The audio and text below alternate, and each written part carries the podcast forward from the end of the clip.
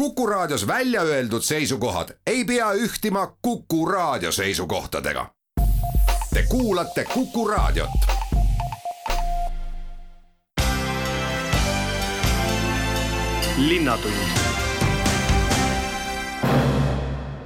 tere päevast! Tänane saade räägib sellest, mida Tartu ja tartlased on juba teinud Ukraina sõjapõgenike abistamiseks, olgu nad väikesed või olgu täiskasvanud, mis on veel mõttes, milliseid plaane peetakse ning kuidas me kõik saaksime selles olukorras toeks olla. veel võtame kõneks ka Kaitseliidu Tartu maleva värbamisüritused. Teemaarenduste lähtekohad on Raekoda, linnavalitsuse haridusosakond, Töötukassa, ülikool ning Kaitseliit jutte juhib Madis Ligi. abilinnapea Mihkel Lees, kui paljud Ukraina sõjapõgenikud on juba Tartusse jõudnud ja siin ulualuse saanud? no neid põgenikke, kes on nüüd lõunapiirkonnas, mitte ainult Tartu linnas, soovinud ka majutust, on juba suurusjärgus kuussada. aga me teame seda, et, et, et neid inimesi, kes siia jõudnud on, et neid on kahtlemata rohkem, kuivõrd paljud inimesed ei ole ju tulnud kohe küsima endale siis, siis hotellituba, vaid on majutunud kas sõprade või tuttavate või sugulaste juurde. aga praegune süsteem toimib siis niiviisi, et kui nad piiri peale jõuavad, siis teie juba teate, kes kui palju tuleb? Pigem teab seda siis Sotsiaalkindlustusamet, kes siis äh, tegeleb äh, selle info vastuvõtmisega ja siis vastavalt inimeste suunamisega ühte või teise majutusasutusse. täna siis äh, Raadimõisa hotellis, mis on, mis on siis ka meie põgenike vastuvõtukeskus kas Tartu linnas on kohti veel, suudab ülikoolil veel pagulasi vastu võtta või mitte? Tartu linnas hakkavad kohad ammenduma, mis ei tähenda seda, et, et põgenikud esmast peavarju ei saaks, lihtsalt ähm, viimasel ajal on suunatud suuremad põgenikevoolud siis Tartust eemale Lõuna-Eestis asuvatesse teistesse majutusasutustesse. ja me teeme väga tihedat tööd ka selle nimel, et Ähm, need põgenikud, kes siis praegu on Tartu hotellides, et, et, et nemad äh, leiaksid endale siis, siis pikaajalise elamispinna. et selleks on nüüd äh, linnavalitsus, linnavalitsuse vabatahtlikud äh, vaadanud läbi erinevate heade inimeste pakkumised, kes on siis pakkunud korterit, kes on pakkunud maja ja, ja oleme siis, siis süsteemselt need, need pakkumised kokku pannud, vahendanud, edastanud need siis Sotsiaalkindlustusametile, kellega me siis üheskoos Tartu hotellides paiknevatele inimestele majutus, pikaajalisi majutuskohti pakume. ja tänaseks on juba üle viiekümne inimese, kes siis on kas hotellist saanud välja kolida või on välja kolimas ja kindlasti see töö jätkub, et, et, et eesmärk on ju ikkagi see, et, et, et inimesed leiaksid endale võimalikult kiiresti sellise pikaajalise elukoha hinnad on loodetavasti mõistlikud või mõni püüab olukorda ära kasutada? No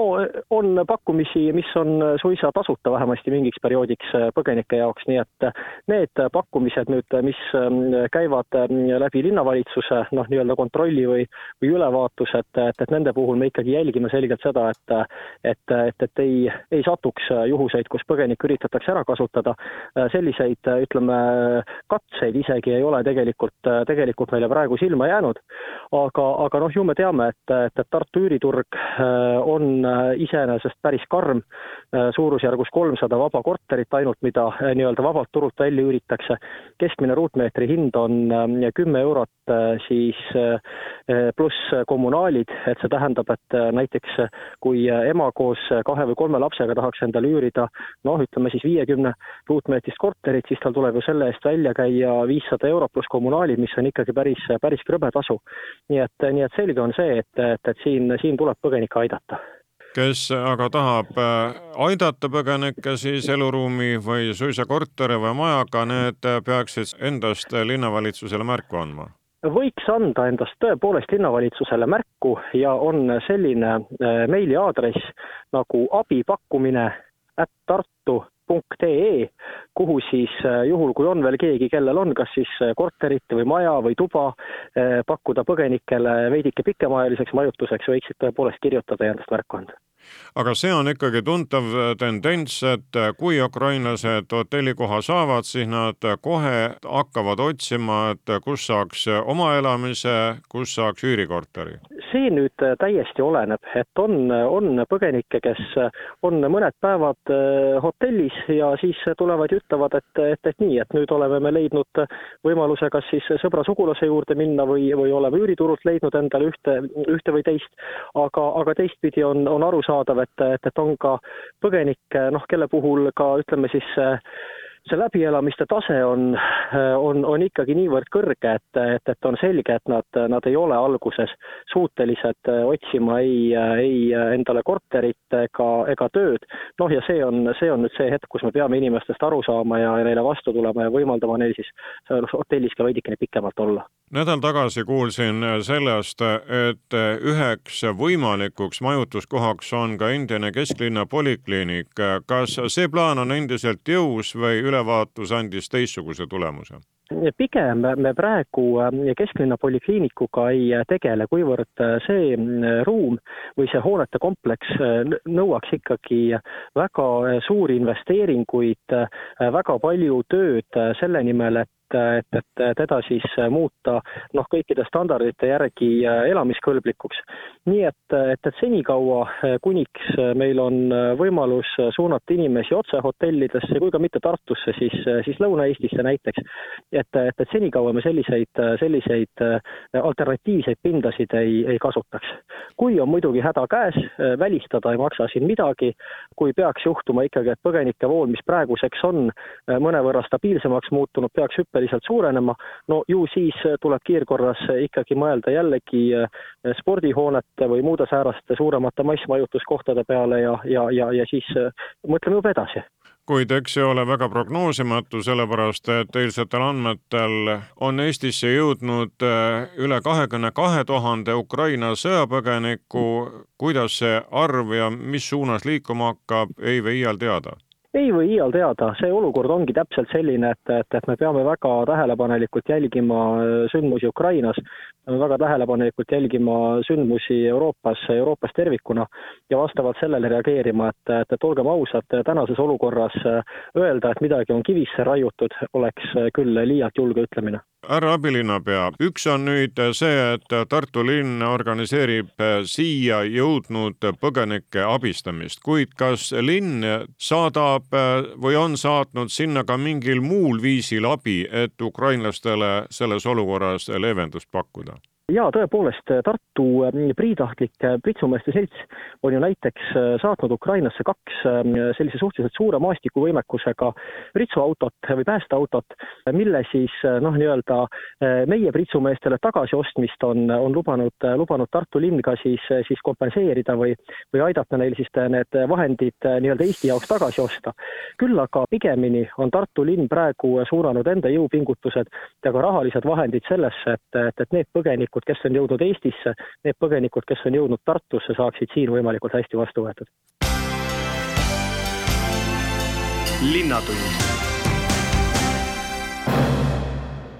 nüüd olen haridusosakonna juhataja Riho Raave jutul ning teie osakonna uksel torkas silma kõigepealt Ukraina värvides lipp ja muidugi ka selles kiri, kui palju on äh, siis Ukraina põgenikud üle teie läve astunud ja informatsiooni nõutanud? tõepoolest panime haridusosakonnale ka ukrainakeelse sildi, sest, sest äh, tulevad ka haridusosakonda ju pered ja, ja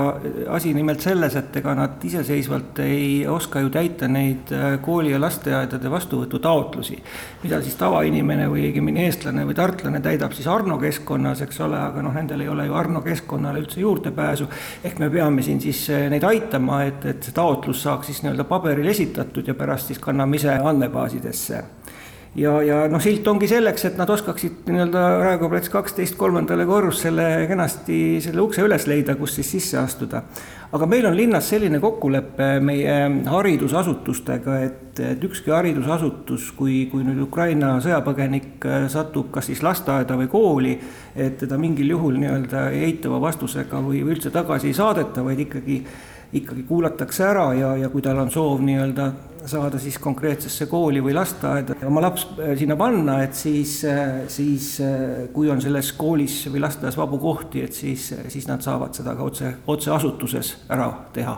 eelmises Linnatunnis rääkisime sellest, et Raatuse koolis on kümmekond Ukraina last. millistes Tartu koolides on veel neid? no ma arvan, et nüüd hakata lugema neid koole või lasteaedasid üles, et kus kõik Ukraina lapsed läinud on, see läheks juba pikaks. aga ma ütlen siis seda, et tänase seisuga on meie Tartu koolidesse või koolide nimekirjadesse kantud sada seitseteist Ukraina õpilast. Nendest ligi kolm neljandikku või kolmveerand äh, on asunud õppima keelekümbluskoolidesse äh, arusaadavatel põhjustel, Annelinna gümnaasium, Puškini kool, ja, ja veerand on siis äh, jagunenud erinevate teiste Tartu koolide vahel. kas siis vastavalt sellele, et nende elukoht on seal selle kooli läheduses või, või neile on see kool meeldinud, nad on sinna kooli ise, ise soovinud minna. ja lasteaedades on meil tänase seisuga viiskümmend üks Ukraina lapsekest, keda siis Tartu lasteaiad on, on kenasti vastu võtnud ja noh, lasteaedades muidugi vabu kohti on äh,, ei ole väga palju, et üksikuid vabu kohti on erinevates lasteaedades, erinevates vanuserühmades, aga, aga enamus nendest lastest on läinud Annikese lasteaeda, mis on ka keelekümbluse lasteaed ja kus on siis ka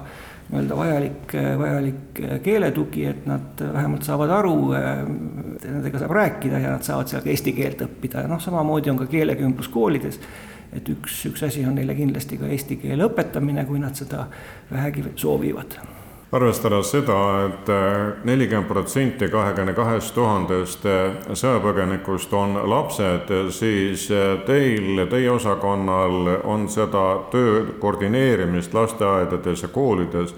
järjest rohkem, sellepärast et see hulk ju kasvab, kes nüüd saab meie võimuga kontakti ning ja. ilmutab oma soovi ja iseenesest ei ole nagu keeruline praeguses olukorras, kui meil on äh, neid lapsi nii palju veel, et, et äh, Tartu koolid ja lasteaiad on nad suutelised nii-öelda võimalikele vabadele kohtadele vastu võtma, et see ei ole nagu suurem, suur probleem. et palju suurem probleem on tõesti see, et kuidas noh, näiteks koolides ikkagi tagada neile mingigi õpe, et, et, et noh tegelikult on ju olukord selline, et ega, ega Ukraina kool on, on ühtemoodi, Eesti kool on natukene teistmoodi, õppekavad ei kattu. et asi hakkab pihta nii-öelda kindlaks tegemisega, et mis tasemel on õpilane, temaga vestlemised, mis abi ta üldse vajab. ja ega sellel õppeaastal me koolides väga palju rõhku nii-öelda õppekava täitmisele tegelikult ju ei panegi, vaid, vaid see on selline nii-öelda sisseelamise aasta, kohanemise aasta kus siis tõesti pakutakse nendele selliseid äh, mõtestatud tegevusi, turvatunnet, äh, sõprussuhteid ja kõike seda, mida noh, inimene nagu peale sellest sõjapiirkonnast tulekut nagu kõige rohkem vajab. aga loomulikult äh, kindlasti on siin väga olulisel kohal ka selline esmane eesti keele õpe noh, ka, ka nendes tundides osalemine, kus no otseselt keeleoskust ju vaja ei lähe, kehaline kasvatus, muusika, kunstiõpetus et, et nendes tundides nad saaksid, ähm, saaksid ju põhimõtteliselt osaleda. Aga noh, natukene keerulisem on seis nende lõpuklasside õpilastega, sest on siia tulnud ju ka palju põhikooli lõpuklassis või gümnaasiumi lõpuklassis olijaid Ukraina lõpuklassis. ja nüüd ongi tekkinud see, et kuidas nad saavad lõpetada, et, et, et õnneks on siin ka haridusministeerium, Ukraina haridusministeeriumiga kokku leppinud, et on võimalikud sellised äh, nii-öelda rahvusvahelise Ukraina kooli kaudu seda, seda lõpetamist siiski korraldada ja, ja, ja see info peaks lähipäevadel ju ka koolidele jõudma Tartu otsib Ukraina hariduskoordinaatorit Annelinna gümnaasiumisse, võib veel kandideerida, kuniks kell kukub neljandal aprillil. nojah, Annelinna gümnaasiumisse või Annelinna gümnaasiumi juurde me tahaks seda ametikohta tõesti luua ja, ja, ja just sellel põhjusel, et Annelinna gümnaasiumisse on koondunud täna kõige rohkem neid lapsi, kes siis Ukrainast on tulnud ja, ja Annelinna, teiseks Annelinna gümnaasiumil on ka kõige suurem selline noh, muukeelsete õpilaste õppimise, õpetamise kogemus. Ehk sealt saab siis seda kompetentsi nii-öelda ammutada ja seda kompetentsi ka teistele koolidele jagada. Ja selle koordinaatori äh, mõte ongi see, et ta siis äh, nii-öelda tunneks seda Ukraina haridussüsteemi, Ukraina õppekava, oskaks ukraina keelt, oskaks ukrainlastega suhelda ja, ja ideaalis, kui ta nüüd oskaks ka veel eesti keelt, et ta saaks siis neid äh, nii-öelda kahte haridussüsteemi nii-öelda kokku sulatada omavahel. aga noh, ma ei ole, ole väga kindel, et me sellist äh, universaalset inimest leiame, et, et me oleme siis teinud ka selle möönduse, et, et, et hea, kui ta oskab, või kindlasti ta peaks oskama ukraina keelt, aga hea, kui ta oskaks vähemasti siis inglise või vene keelt, et siis vähemalt on see suhtlemisvõimalus äh, tagatud. aga konkursi alles kuulutasime välja ja, ja tähtaeg on neljas äh, aprill, avalduste esitamise tähtaeg. Äh, selles kuulutuses on aadressid olemas, et, tõesti, kui keegi, keegi teab ja tunneb ja et keegi on selline inimene kuskil olemas, et siis julgeks alati öelda, et tulge kandideerima. no sealttulijate seas on ju ka palju õpetajaid, on nad endast ka märku andnud teie osakonnale või mõnele koolile ning avaldanud valmisolekut et nad saaksid siin oma tööd jätkata? no esimene asi, kui me kuulsime, et meil hakkavad tulema Ukraina lapsed, mis me tegime, me tegelikult kaardistasime omaenda haridusvõrgus olemasolevate ukraina keelt valdavate inimeste no sellise noh, lõime sellise andmebaasi, et meil on olemas, meil on teada, kus asutuses ukraina keelt valdavad inimesed töötavad. saame neid kasutada ja loomulikult on ka juba sõjapõgenike hulgas äh, nii Töötukassa kaudu kui ka nii-öelda individuaalselt äh, või ka siis Ukraina kohaliku kogukonna kaudu on teada need õpetajad või, või, või haridustöötajad, kes oleksid valmis nagu meie haridusasutustes rakendust äh, otsima, leidma. ja, ja ma tean, et näiteks Annelinna gümnaasium on võtnud ähm, võtnud hiljuti endale tööle osalise koormusega ukraina ja inglise keele õpetaja ning ka reaalainete õpetaja, et, et kuna seal on ka kõige rohkem õpilasi, siis nad saavad juba osa, osa aineid nii-öelda emakeeles, emakeeles õpetada. ja, ja ma tean, et Raatuse kool, kuna seal on ka üheksa, üheksa last juba kooli tulnud, et, et ka tema otsib sellist kas abiõpetajat või, või ukraina keelt valdavat inimest, kes siis saaks neid õpet-, õpilasi toetada ja õpetada kuna Tallinnasse on äh, neid lapsi kõige rohkem läinud, siis äh, sealtkandist on kostnud, et tuleks suisa eraldi Ukraina laste jaoks kool teha. kas äh, Tartus, kui nüüd see seltskond järjest kasvab, on ka mõtted liikunud, et teeks omaette lasteaiarühma või ka mingisuguse kooli, vähemalt väiksemas formaadis, või see ei ole praegu veel päevakorral? eks me oleme ikkagi ka pikemaid plaane, plaane mõt-, mõelnud, et, et kui nüüd neid lapsi peaks veelgi rohkem tulema ja, ja kui meil tõesti see nii-öelda vaba, olemasolevates koolides see vabade kohtade ressurss ammendub, mm, siis me oleme tõesti mõelnud ka, et, et, et Tartus võiks olla üks spetsialiseerunud kool, mis oleks, oleks kindlasti ka keelekümbluskool ja, ja, ja kus oleks siis võib-olla siis tõesti keelekümblusklassid, kus siis oleks nii-öelda mitte, mitte eesti-vene keelekümblus, vaid, vaid siis eesti-ukraina keelekümblus, eks ole, et me oleme praegu mõelnud, et, et meil näiteks Descartesi kooli juures on natukene vaba ruumi, kus me võiks sellised klassid, klassid moodustada.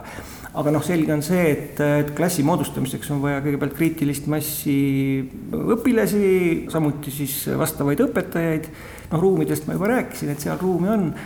et, et hoiame nagu seda plaani nii-öelda varuplaaniks, et juhul, kui, kui olemasolev ressurss enam ei võimalda, et siis, siis ja mis ei välista ka tegelikult seda, et, et võib-olla uuest õppeaastast me tõepoolest ka need klassid, klassid käivitaksime, mis, mis annaks, annaks nagu selles mõttes seda nii-öelda hariduse kvaliteedi mõttes Ukraina õpilastele kindlasti palju juurde intervjuu lõpetuseks, Reho Raave, räägime sellest ajast ja selle organiseerimisest, mis jääb siis väljapool õppetööd, kui koolitunnid on läbi. on lastel võimalik minna kas ringidesse või kuhugi mujale lühidalt aktiivselt veeta vaba aega. olete saanud sellega ka juba tegeleda või esialgu on rohkem see laste rakendamine? Äh, no nii palju, kui üldhariduskoolides ja lasteaedades äh, huvitegevust pakutakse, nii palju pakutakse seda ka ju Ukraina õpilastele, aga ma tean, et mul nii-öelda algkorrusel asuv kultuuriosakond on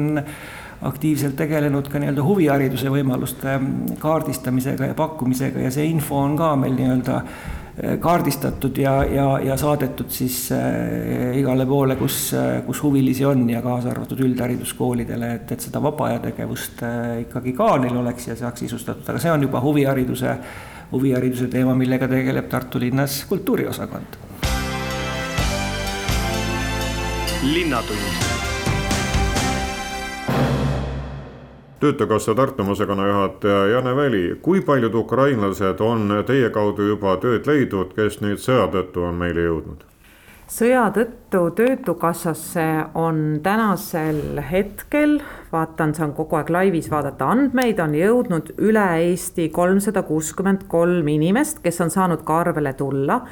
ja parasjagu siis neljasaja seitsmega käib tegevus on pooleli, et kõik, kõik võib-olla ei saa kohe töötuna arvele tulla, midagi on natukene veel äh, ajutises elamisloas puudu või vajaka, et siis me saame seda oodata, et kõik dokumendid äh, ilusasti korda saavad. Aga kedagi ära ei saada, et äh, võtame ikkagi selliste puudustega avalduse siis vastu ja, ja juba jagame infot nüüd, kui palju on tööd saanud, on meil seetõttu raske öelda, et äh, need on nüüd väga värskelt alles tulnud inimesed, sellepärast et, äh, et PPA väga hiljuti alles hakkas äh, võimaldama ju ajutise kaitse või rahvusvahelise kaitse saamist. siis nad natuke ajasid neid dokumente ja mõtlesid, mis edasi, said teada, et on Töötukassa olemas ja tegid valiku, kas siia tulla. väga paljud on aga töö juba leidnud tänu meie ajutiselt loodud online EXPO keskkonnale, mis oli juba peale sõja algust kohe esimestel päevadel kohe välja pandud tööandjatele, kes said sinna oma tööpakkumisi lisada. ja olid valmis siis äh, äh, pakkuma seda tööd ka Ukraina kodanikule, arvesse võttes, mis olukorras ta tuleb, milline keeleoskus tal on, et ähm, ja seal platvormil on siis juba üle tuhande kahesaja pakkumise mis tähendab seda, et äh, väga paljud äh, Ukraina kodanikud, kes on jõudnud äh, vastuvõtukeskustesse ja kes on jõudnud majutuskeskustesse, majutuspunktidesse ja kes on saanud juba meilt info, et selline keskkond on olemas, on selle keskkonna kaudu selle töö leidnud, ilma et nad peaksid üldse tulema töötuna arvele võtma. Nii et nad seal ise vaikselt on otsinud ja ma olen väga tänulik, et tegelikult ka äh, meie hotellide töötajad suisa on neid äh, juhendanud selle keskkonna kasutamisel seal kohapeal majutuskeskustes, nii et äh, see koostöö on olnud väga-väga ilus. Kas see üldine abivalmidus aidata sõja eest pakku tulnud inimesi lööb välja ka töökohtade pakkumisele, et firmad teavad, et vaat näiteks Tartu piirkonnas on nii palju Ukraina sõjapõgenikke ja aktiviseeruvad, pakuvad teie kaudu siis neid tööotsi noh, on kindlasti tunda, et seal on ka sihukest äh, missiooni pakkumist, aga meie tahame, et meie keskkonnas on väljas äh, nagu päris pakkumised, seetõttu tuli sinna esimese hooga, mis meis palju segadust tekitas, äh, väga palju nii-öelda tööandjate stende nende ettevõtte olemasolust ja, ja et millega nad tegelevad, aga seal ei olnud väljas ühtegi tööpakkumist. ja vot sellist nii-öelda matching ut on siis päris raske teha, et, et kas tal siis on neid tööpakkumisi või ei ole. ja kui nad ütlevad, et nad lihtsalt niimoodi missioonist näitavad oma valmisolekut, et siis sellest ei ole ikkagi, ütleme sellele sõjapõgenikule nii palju abi, tema tahab, mõtlebki, et ta on kokk ja nüüd ta vaatab siis, kellel on kokatööd pakkuda, et tema ei tunne tööandjaid, Eesti tööandjaid ja need stendid talle siis nii nii palju infot ei anna, et aga sõna kokk ja ma otsin selle kaudu, see, see aitab teda. Nii et äh, sellist äh, mõnikord on äh, selline abistamine, liigne abistamine teeb ka asja keerulisemaks, et aga kellel on midagi kasulikku pakkuda, tõesti mõistlik töötasu ja väga selge töökoht füüsiliselt ja töötingimused, sellega on kohe võimalik kiiresti kliendiga kokku viia kas Ukraina sõjapõgenikud on nõus igasuguse tööga, peaasi, et saaks tööle, mõtted eemale ning koguma siis raha ka selleks, et korterit üürida, et üldse elada või nad on teatud eelistustega? Ütlen ausalt, et ei ole näinud selliseid erisoove, et ikkagi praegu on nende, nende soov üldse teha tööd Äh, kõiki ühendab see, et nad on ääretult tänulikud selle suhtes, et neid on Eesti vastu võtnud. ja nad on valmis äh, millega iganes siis äh, panustama esimese ringiga on Töötukassasse jõudnud siiski kõige sellised naksakamad ja tragimad, neil on väga head profiilid, väga palju on täitsa selliseid tippspetsialiste. ja kui nüüd tõesti on tulnud arste, õdesid, hooldajaid ülikooli õppejõude, õpetajaid, et need me proovime ikkagi kohe kokku viia siis selle valdkonna tööandjatega. ja tööandjad on sellest ka andnud märku, et andke aga teada, kui selliseid inimesi tuleb. Et, et nii, et niisugused spetsiifilised oskused me ikkagi, kuigi inimene võib ise olla, ütelda, et ma võin ükskõik mida teha aga meil on ikka tore talle vastata, et vot seal koolis just on praegu vaja sinu valdkonna õpetajat ja, ja lisaks tulevad sinna Ukraina lapsed, et äkki saad sinna siis oma erialasele tööle, et meie jaoks on ikkagi oluline, et nad maksimaalselt saaksid oma erialas ka jätkata. Aga üks, üks kommentaar siia veel, et mis neid ikkagi praegu kõiki ühendab, on see, et et äh, neil on tõesti usk, et äh, Ukrainas äh, kõik taastub paari kuu pärast ja pigem küsitaksegi siis lühiajalisi töid ja ollakse nii noh, lojaalse hingega, et ei taheta, et tööandja siis minuga nüüd arvestab hästi pikka aega, et ma tahan, et oleks lühem leping. Natuke see juba ajas hakkab muutuma, et eks nad äh, saavad nagu reaalsusega järjest kontakti oma, oma traumasituatsioonis, aga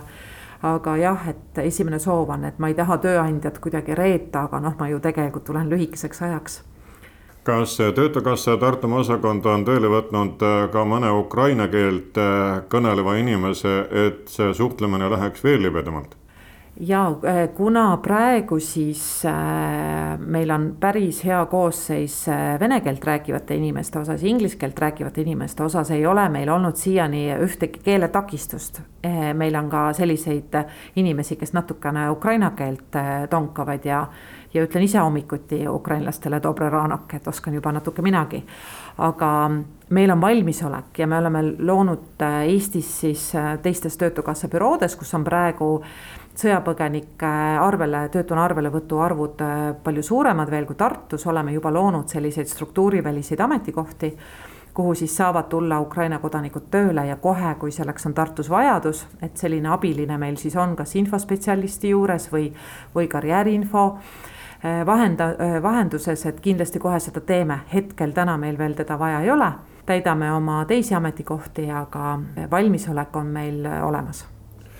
Teie Ida-Viru kolleeg ütles nädal tagasi, et üks ukrainlanna oli astunud Töötukassasse sisse ja öelnud tere. kas selliseid eestikeelseid pöördumisi on põgenike poolt tulnud ka siin Tartus? seda mäletan ma juba eh, varasemast ajast, aastatetagusest ajast, et see on tegelikult Ukraina tööjõule omane olnud väga palju aastaid, et esimesel nõustamisel nad ütlevad tere ja nägemist, teisel nõustamisel nad ütlevad juba pikemaid eestikeelseid lauseid, kolmandal meiega kohtudes räägivad nad juba veel rohkem. et äh, see ühendab seda rahvast, et nad äh, väga tahavad keelt õppida, peavad seda ääretult oluliseks ja tõesti annavad endast kõik, et äh, ruttu õppida, nii et see, et nad tere ütlevad see on meie jaoks olnud tavaline juba varem ja, ja see, et nad Eesti Vabariigi sünnipäeval on varasemalt tulnud siia enne, enne sünnipäeva nõustajale sinimustvalge lipp käes ja tänades, et nad siin Eestis töötada saavad, et seda me oleme siin näinud, nii et need on inimesed, kes tõesti väga, väga oskavad olla tänulikud ja aru saada selle meie riigi keele tähtsusest ja kõigest muust reedel tõmbab meie Rahvaülikool käima keelekursused, mis mõeldud spetsiaalselt just Ukraina sõjapõgenikele. kas mõne teise käest on tulnud ka taolist informatsiooni, et hakatakse siis siia tulijatele õpetama eesti keelt? Eesti Töötukassal on äh, väga palju keeleõppepartnereid ja kui see sõjapõgenik saab, äh, tuleb juba Töötukassasse töötuna arvele, siis ta saab äh, ükskõik millisele keelekoolitaja partneri juurde minna õppesse sealhulgas on see siis grupikoolitus või vajadusel, kui tal on mingid erivajadused, ka individuaalõpe ja nii edasi, nii et need on olemas ja praegu seda valmisolekut eesti keelt õpetada ukrainlastele on andnud äh, seda infot välja väga paljud meie keelekoolid. linnatund viimane Ukraina teemaline intervjuu toob meid päris tänasesse päeva ja kui teil ei ole täna mahti neid ettekandeid, analüüse, mõttearendusi kuulata-vaadata, siis te saate seda igal ajal veel teha ning see kutse tuleb Tartu Ülikoolist ja rahvusvahelise koostöö juht Kristi Kerge on ka teavet jagamas. mis kell teie üritus algab? Täna õhtul kell seitseteist null null avanevad kõik äh, veebiväravad. arutelu, kus ajaloolane ja Venemaa ajaloourija David Vseviov, rahvusvahelise õiguse uurija Lauri Märksoo, mälupoliitika uurija Heiko Pääbo ja meediauurija Maia Klaassen räägivad Vene mõttemallidest, Vene arusaamadest rahvusvahelises õiguses, samuti ka imperialistlike ja rahvuslike narratiivide koos eksisteerimise võimalustest Neid ettekandeid äh, ja mõttearendusi saab jälgida nii ülikooli televisiooni kui ka teie Facebooki lehe ja Postimehe veebilehe vahendusel. just täpselt nii kui kaua see kell viis algav heategevusõhtu kestab? See kestab äh, poolteist tundi ehk siis kuni kella poole seitsmeni. kuna tegemist on heategevusüritusega, siis otse loomulikult need, kes kohapeal või ka muul viisil saavad äh, oma liigutusi ukrainlaste heaks teha. ja me ootame kõiki ka meie ülekande vaatajaid ja ka neid, kes ei saa vaadata seda ülekannet järgi vaatama ja, ja toetama siis Ukraina noori, kes õpivad Tartu Ülikoolis. ja miks me seda korraldame, ongi see, et me loodame, et me saame aidata nendel noortel oma haridusteed siin jätkata, sest tänaseks on väga paljude perede majanduslik tugi katkenud, samuti ei saa need noored minna täna enam oma kodumaale õppima tagasi, sest seal käib lihtsalt sõda. no ülikool on asutanud ka spetsiaalse Ukraina stipendiumifondi ja kutsunud ka inimesi sinna siis ülekandeid tegema. kuidas on Alma Materi mõttega kaasa tuldud? Ma arvan, et päris hästi stipendiumifond äh, täitub sujuvalt, äh, alati võib juurde panustada ja kõik panused on väga-väga oodatud. aga arvestades seda, et ta on nii lühikest aega veel avatud olnud, et ma usun, et läheb päris hästi nii et äh, tuleb jälgida informatsiooni, mis seisab ülikooli kodulehel ja sealt saab juba vajaliku juhatuse kätte. ja täpselt nii, kõik on oodatud annetama, nii eraisikud kui ettevõtjad kas mõni Ukraina kõrgkool on Tartu Ülikoolil ka märku andnud, et äh, otsime abi või tahame siia saata tudengeid või on õppejõud valmis tulema, ehk milline see liin praeguses sõjaolukorras on? jah, ikka on, meil on sealt äh, tulemas ja tegelikult on Tartus juba ka kohapeal mõned külalisüliõpilased ja on tulemas veel meie partnerülikoolidest äh, nii üliõpilasi kui ka õppejõude suhtlus loomulikult arusaadavalt on katkendlik, aga see toimib üle Ukraina on veel partnerülikoole. seega täna õhtul on siis võimalus äh, jälgida õppejõudude ekspertide arutelusid, ettekandeid äh, ja mõelda Ukraina ja ukrainlaste peale ning äh, kel võimalus, see saab kannatada, kuid juba mõtetega ukrainlastele toe pakkumine on ka midagi väärt. linnatund tänase saate viimase intervjuu jaoks tulin Kaitseliidu Tartu malevasse, olen Margus Õssotamme jutul sellepärast, et värbamine käib ja üks järjekordne üritus kohe ka tuleb. kes on praeguses olukorras need, kes tunnevad huvi Kaitseliiduga liitumise vastu? meie vastu tunnevad huvi äh, nii mehed kui naised ja nii noored kui vanad, kõik oleme siiamaani peaaegu et vastu võtnud ja kõik on teretulnud Pole siin vahet, kas on kahekümnene või kaheksakümnene, mahuvad selle vahele kõik ära. ma jään täpse vanuseklassi hetkel võlgu, aga me ootame kõiki alates siin üheksateistkümnendast eluaastast kuni näiteks nagu te ütlesite, kaheksakümneni. ehk et me leiame kõigile rakenduse vastavalt tema võimetele ja oskustele no te olete mitu värbamisüritust teinud, kas need, kes on sinna tulnud ja kes ilmselt tulevad ka esmaspäeval, need järgmised tahtjad, on kohe valmis liituma või nad tulevad esialgu maad kompama, selgemaks mõtlema, rääkima ja seejärel teevad oma otsuse? on mõlemaid, ehk et on selliseid, kes tulevad äh, nii-öelda tutvuma, mida üldse pakutakse nii-öelda ja on selgelt ka sellised inimesed, kes on juba eelnevalt kodutöö ära teinud kas siis internetist vaadanud äh, kodulehtesid ja neil on selge arusaam, äh, mida ja kuidas nad tahaksid panustada. küsimus on ainult see, et kui kiiresti meie nad vastu võtame ja kui kiiresti meie suudame nendega edasi tegutseda kas Kaitseliitu astumiseks piisab iseenda tahtest või peavad soovitajad ka olema? kindlasti on see, et esimene asi on iseenda tahe.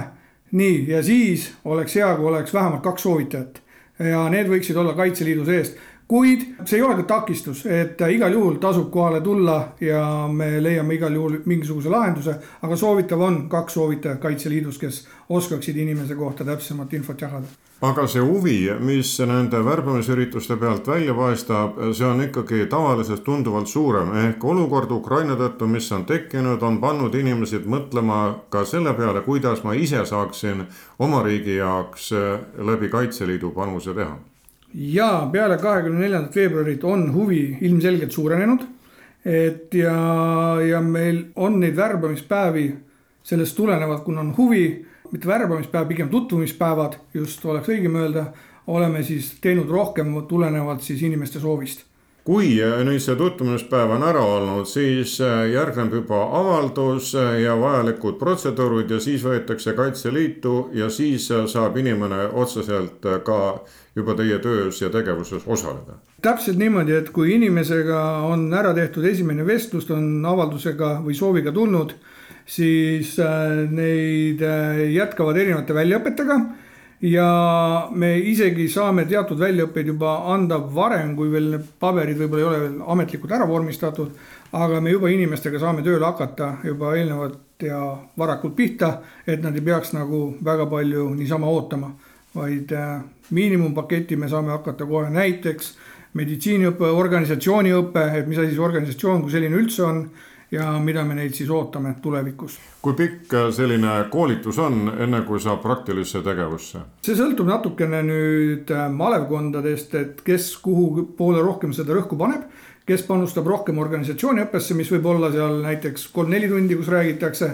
ja mõni natukene võib-olla vähem räägib, teeb praktilisi sooritusi võib-olla rohkem. see sõltub, et ma ei ütleks päris kindlalt praegu ühtegi numbrit ega arvu. ja praeguses olukorras ka me vaatame igapäevaselt tegelikult üle need väljaõppeplaanid ja kavad, kuidas siis neid inimesi kiiremini integreerida meie tegevustesse. arvestades seda, et me ajame juttu ülikoolilinnas, kus on nii tudengeid kui professoreid, kas äh, nii ühed kui teised tunnevad huvi ka Kaitseliidus äh, tegevuse vastu? ja kindlasti, et ma loodan, et ka nendes uutes liitujates on selliseid selleks, et meil juba praegult malevas on alates professoritest äh, kuni üliõpilasteni inimesed olemas nagu algul viidatud, esmaspäeval on siis järjekordne võimalus äh, saada paremini kurssi Kaitseliidu tegevusega, kus äh, ja mis kell tuleks kohal olla? kell kaheksateist null null, Noorus üheksa Tartus, neljandal aprillil Aralskivi lossis ja Tamme malevkonna poolt siis on üheksandal aprillil Tartu linnas A Le Coq spordihoone parklas värbamisüritused.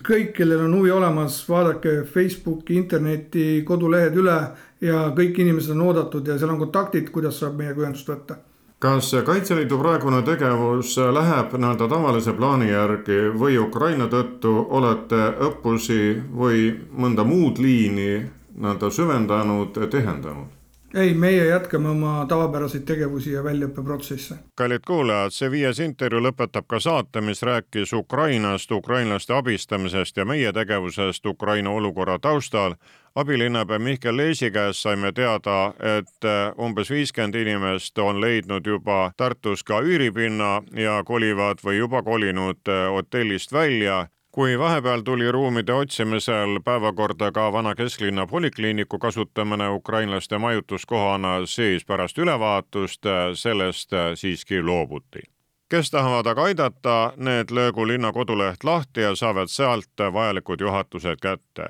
haridusosakonna juhataja Riho Raave ütles, et äh, Ukraina lapsed on nii Tartu lasteaedades kui koolides ja esimesed äh, põgenenud õpetajad on ka juba Tartus äh, saanud oma ametit jätkata. Töötukassa Tartumaa osakonna juhataja Jane Väli konstateeris seda, et Ukraina põgenikud on nende ukse üles leidnud, käivad, otsivad tööd, on valmis õppima ka keelt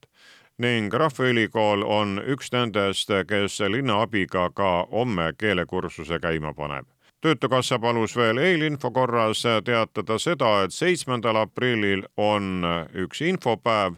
mis siis tööturuvõimalusi tutvustab nii meil olijatele kui meile tulijatele ja see on Eesti Rahva Muuseumis. Tartu Ülikooli rahvusvahelise koostöö juht Kristi Kerge kutsus jälgima tänast heategevusõhtut, kus õppejõud, teadlased, eksperdid esinevad ettekannetega ja kus saab teha ka annetusi Ukraina jaoks ning avatud on ka ülikooli poolt asutatud Ukraina stipendiumifond. kaitseliidu Tartu maleva ringkonnaveebel Margus Isotam ütles, et huvi Kaitseliiduga liitumise vastu on tõusnud ja järjekordne tutvumispäev on eeloleval esmaspäeval. saate pani kokku Madis Ligi. Aitäh kuulamast, olge terved! linnatund